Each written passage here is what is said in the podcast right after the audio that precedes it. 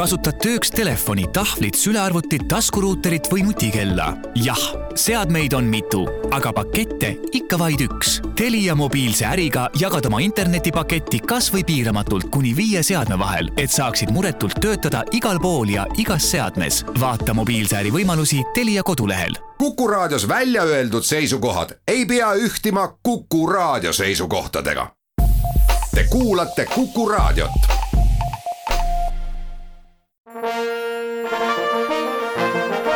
Vanemuise veerand. tere kõigile teile, head kuulajad. tere tänasele saatekülalisele. meil on külas Vanemuise ooperisolist. tere, Pirjo Joonas. tere. mina olen saatejuht Tiia Rööp.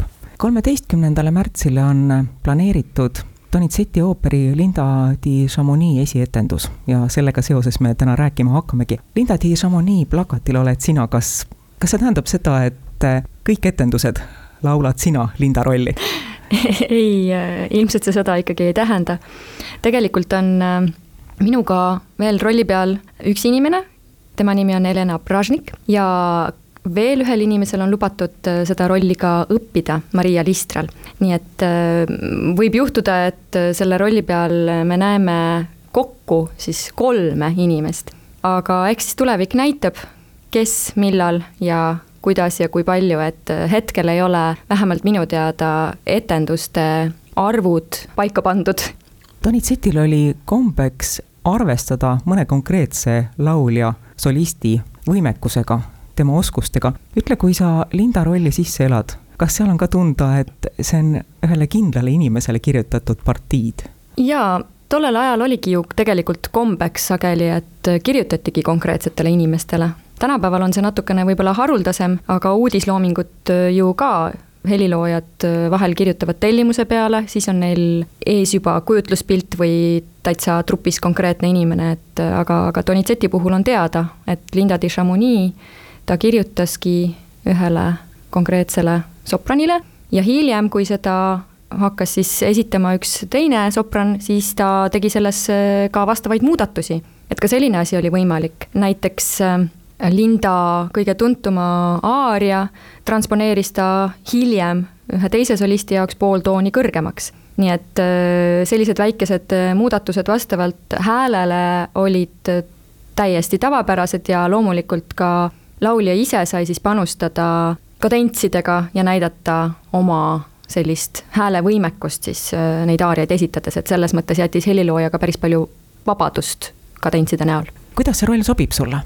Ma loodan et hästi, selles mõttes, et äh, ma tunnen Lindaga suurt ühisosa miskis, mingis mõttes. ta kõnetab mind, vokaalselt, kui me räägime vokaaltehnilisest poolest, siis ma usun, et ta sobib mulle ja just see selline helisev, koloratuurne, kõrgem äh, pool on noh, mingis mõttes minu trump, mina olen koloratuursopran ja, ja selles rollis on mul ilmselt tõesti võimalik näidata noh, milleks ma võimeline olen. Ja teisipidi on selles rollis ka parasjagu dramaatikat ja sellist ähm, sügavat läbielamist ja emotsionaalsust ja, ja, ja sellist ütleme siis ajastule omast naiseks olemise traagikat või mis mind väga, väga puudutab. Selles mõttes, et ähm, ütleme, et tänapäevane publik võib ju mõelda, et jah, see süžee on mingis mõttes banaalne, armuvad neiu ja noormees esimesest silmapilgust umbes, siis äh, plaanivad abielluda, aga nende plaanid ei täitu ja, ja neiu langeb äh, häbisse ja peaaegu et kaotab püsivalt mõistuse, et see on selline üsna tavapärane stsenaarium äh, tolleaegsetes ooperites. Ja noh, me võime mõelda, et no mis seal siis on tänapäeval, eks ju, et no miks ta hulluks läheb miks temaga sellised asjad juhtuvad, no miks ta seda nii tõsiselt võtab, et no jälle läheb hulluks. noh, Lucia di Lammermoor, eks ole, samamoodi Donizetti ooper ja väga paljud teised äh, ooperid ka, kus äh, naistegelane mingil põhjusel, enamasti armastuse tõttu, siis äh, kaotab mõistuse või, või, või vara või, või mehe või au. aga kui me mõtleme sellele ajastule siis midagi enamat ju naisel ei olnudki, ainult tema au. see oligi elu ja surma küsimus, et sa hoiad seda au, seda voorust kuni selle hetkeni, kuni sa reaalselt abiellud. ja sinu ainukene päästerõngas oligi sinu abikaasa, see mees, kes sinu ära võttis. sest naine ei olnud selline nii-öelda iseseisev olevus, ta sõltus kõigiti mehest ja see teema, ma ütlen, ta kõnetab mind väga, et me võime tänapäeval sellest juba üle vaadata, et naine on ju iseseisev ja miks need probleemid kuidagi sellele naise mõistusele nii halvasti mõjusid, et ei, me ei pruugi sellest aru saada. aga kui me paneme ennast selle ajastu neiu rolli, siis me saame aru, et see ongi, sinul on valik, kas sa lähed jõkke või sa saad selle mehe, keda sa armastad ja selle pinnal mulle tundub väga loogiline, et need üleelamised olid sellised, nagu tal olid, et ta, ta elas seda väga-väga tõsiselt üle ja see, see hullumise stseen, nagu neid sageli nimetatakse, on igati põhjendatud selles ajastus. nii et ähm, jah, see ühisosa on suur ja see empaatia selle neiu suhtes, keda ma kehastama hakkan, on, on väga suur ja mõistmine ja loodetavasti ma suudan seda välja tuua niiviisi, et see ei mõju banaalsena tänapäeva kontekstis, vaid mõjub just sellisena, nagu ta tolle ajastu kontekstis pidi olema. elu ja surma küsimus. sa nimetasid ähm, Lucia di Lammermoori. on öeldud, et ähm, Linda di Chamonix on Lucia di Lammermoor, ainult et õnneliku lõpuga versioon sellest. kui palju sellest tõtt on sellises võrdluses? no mingis mõttes ongi ju, et äh, Lucia läheb hulluks ja Linda läheb hulluks, aga Lucia ei pääse sellest traagikast ja samas Linda leiab ikkagi oma armastatu ja nad saavad kokku ja kõik jõud nii-öelda ühinevad selleks, et nende lõpp oleks ikkagi õnnelik. ja see lõpp saabub muidugi väga kiiresti niiviisi aga jälle natukene naljakas, et noh, ooper, viimased viis minutit ja kõik kõik äh, selline traagiline saab ümber pööratud, et see on natukene kentsakas, aga väga armas samal ajal ja, ja ma loodan, et see kõnetab publikut ka, et, et äh, jõuab ka neile pärale. Te alustasite proovidega veebruari alguses mm. -hmm. ja ma tean, et äh, muusikateadlane Kristel Pappel tegi teile ülevaate Donizetist. kes on Donizeti, seda sa teadsid kindlasti ennem ka, aga ütle, kui oluline sulle on üldse teada selle helilooja tausta, elulugu seotust oma ajaga, kelle teost sa esitad?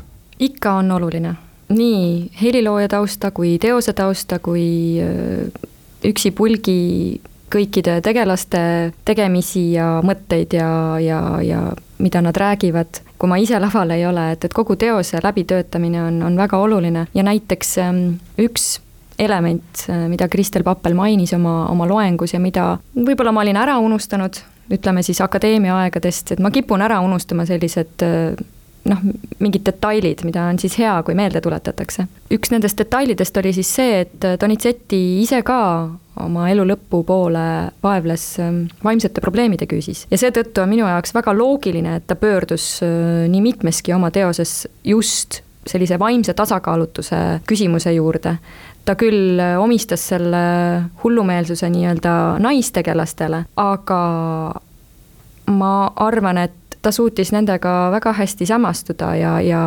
ja tal oli ka väga traagiline elusaatus, Donizettil siis, ta kaotas äh, oma naise ja, ja sündimata lapse, et selles mõttes teada seda tausta on minu jaoks äh, selle ooperi ettevalmistamisel äh, väga oluline.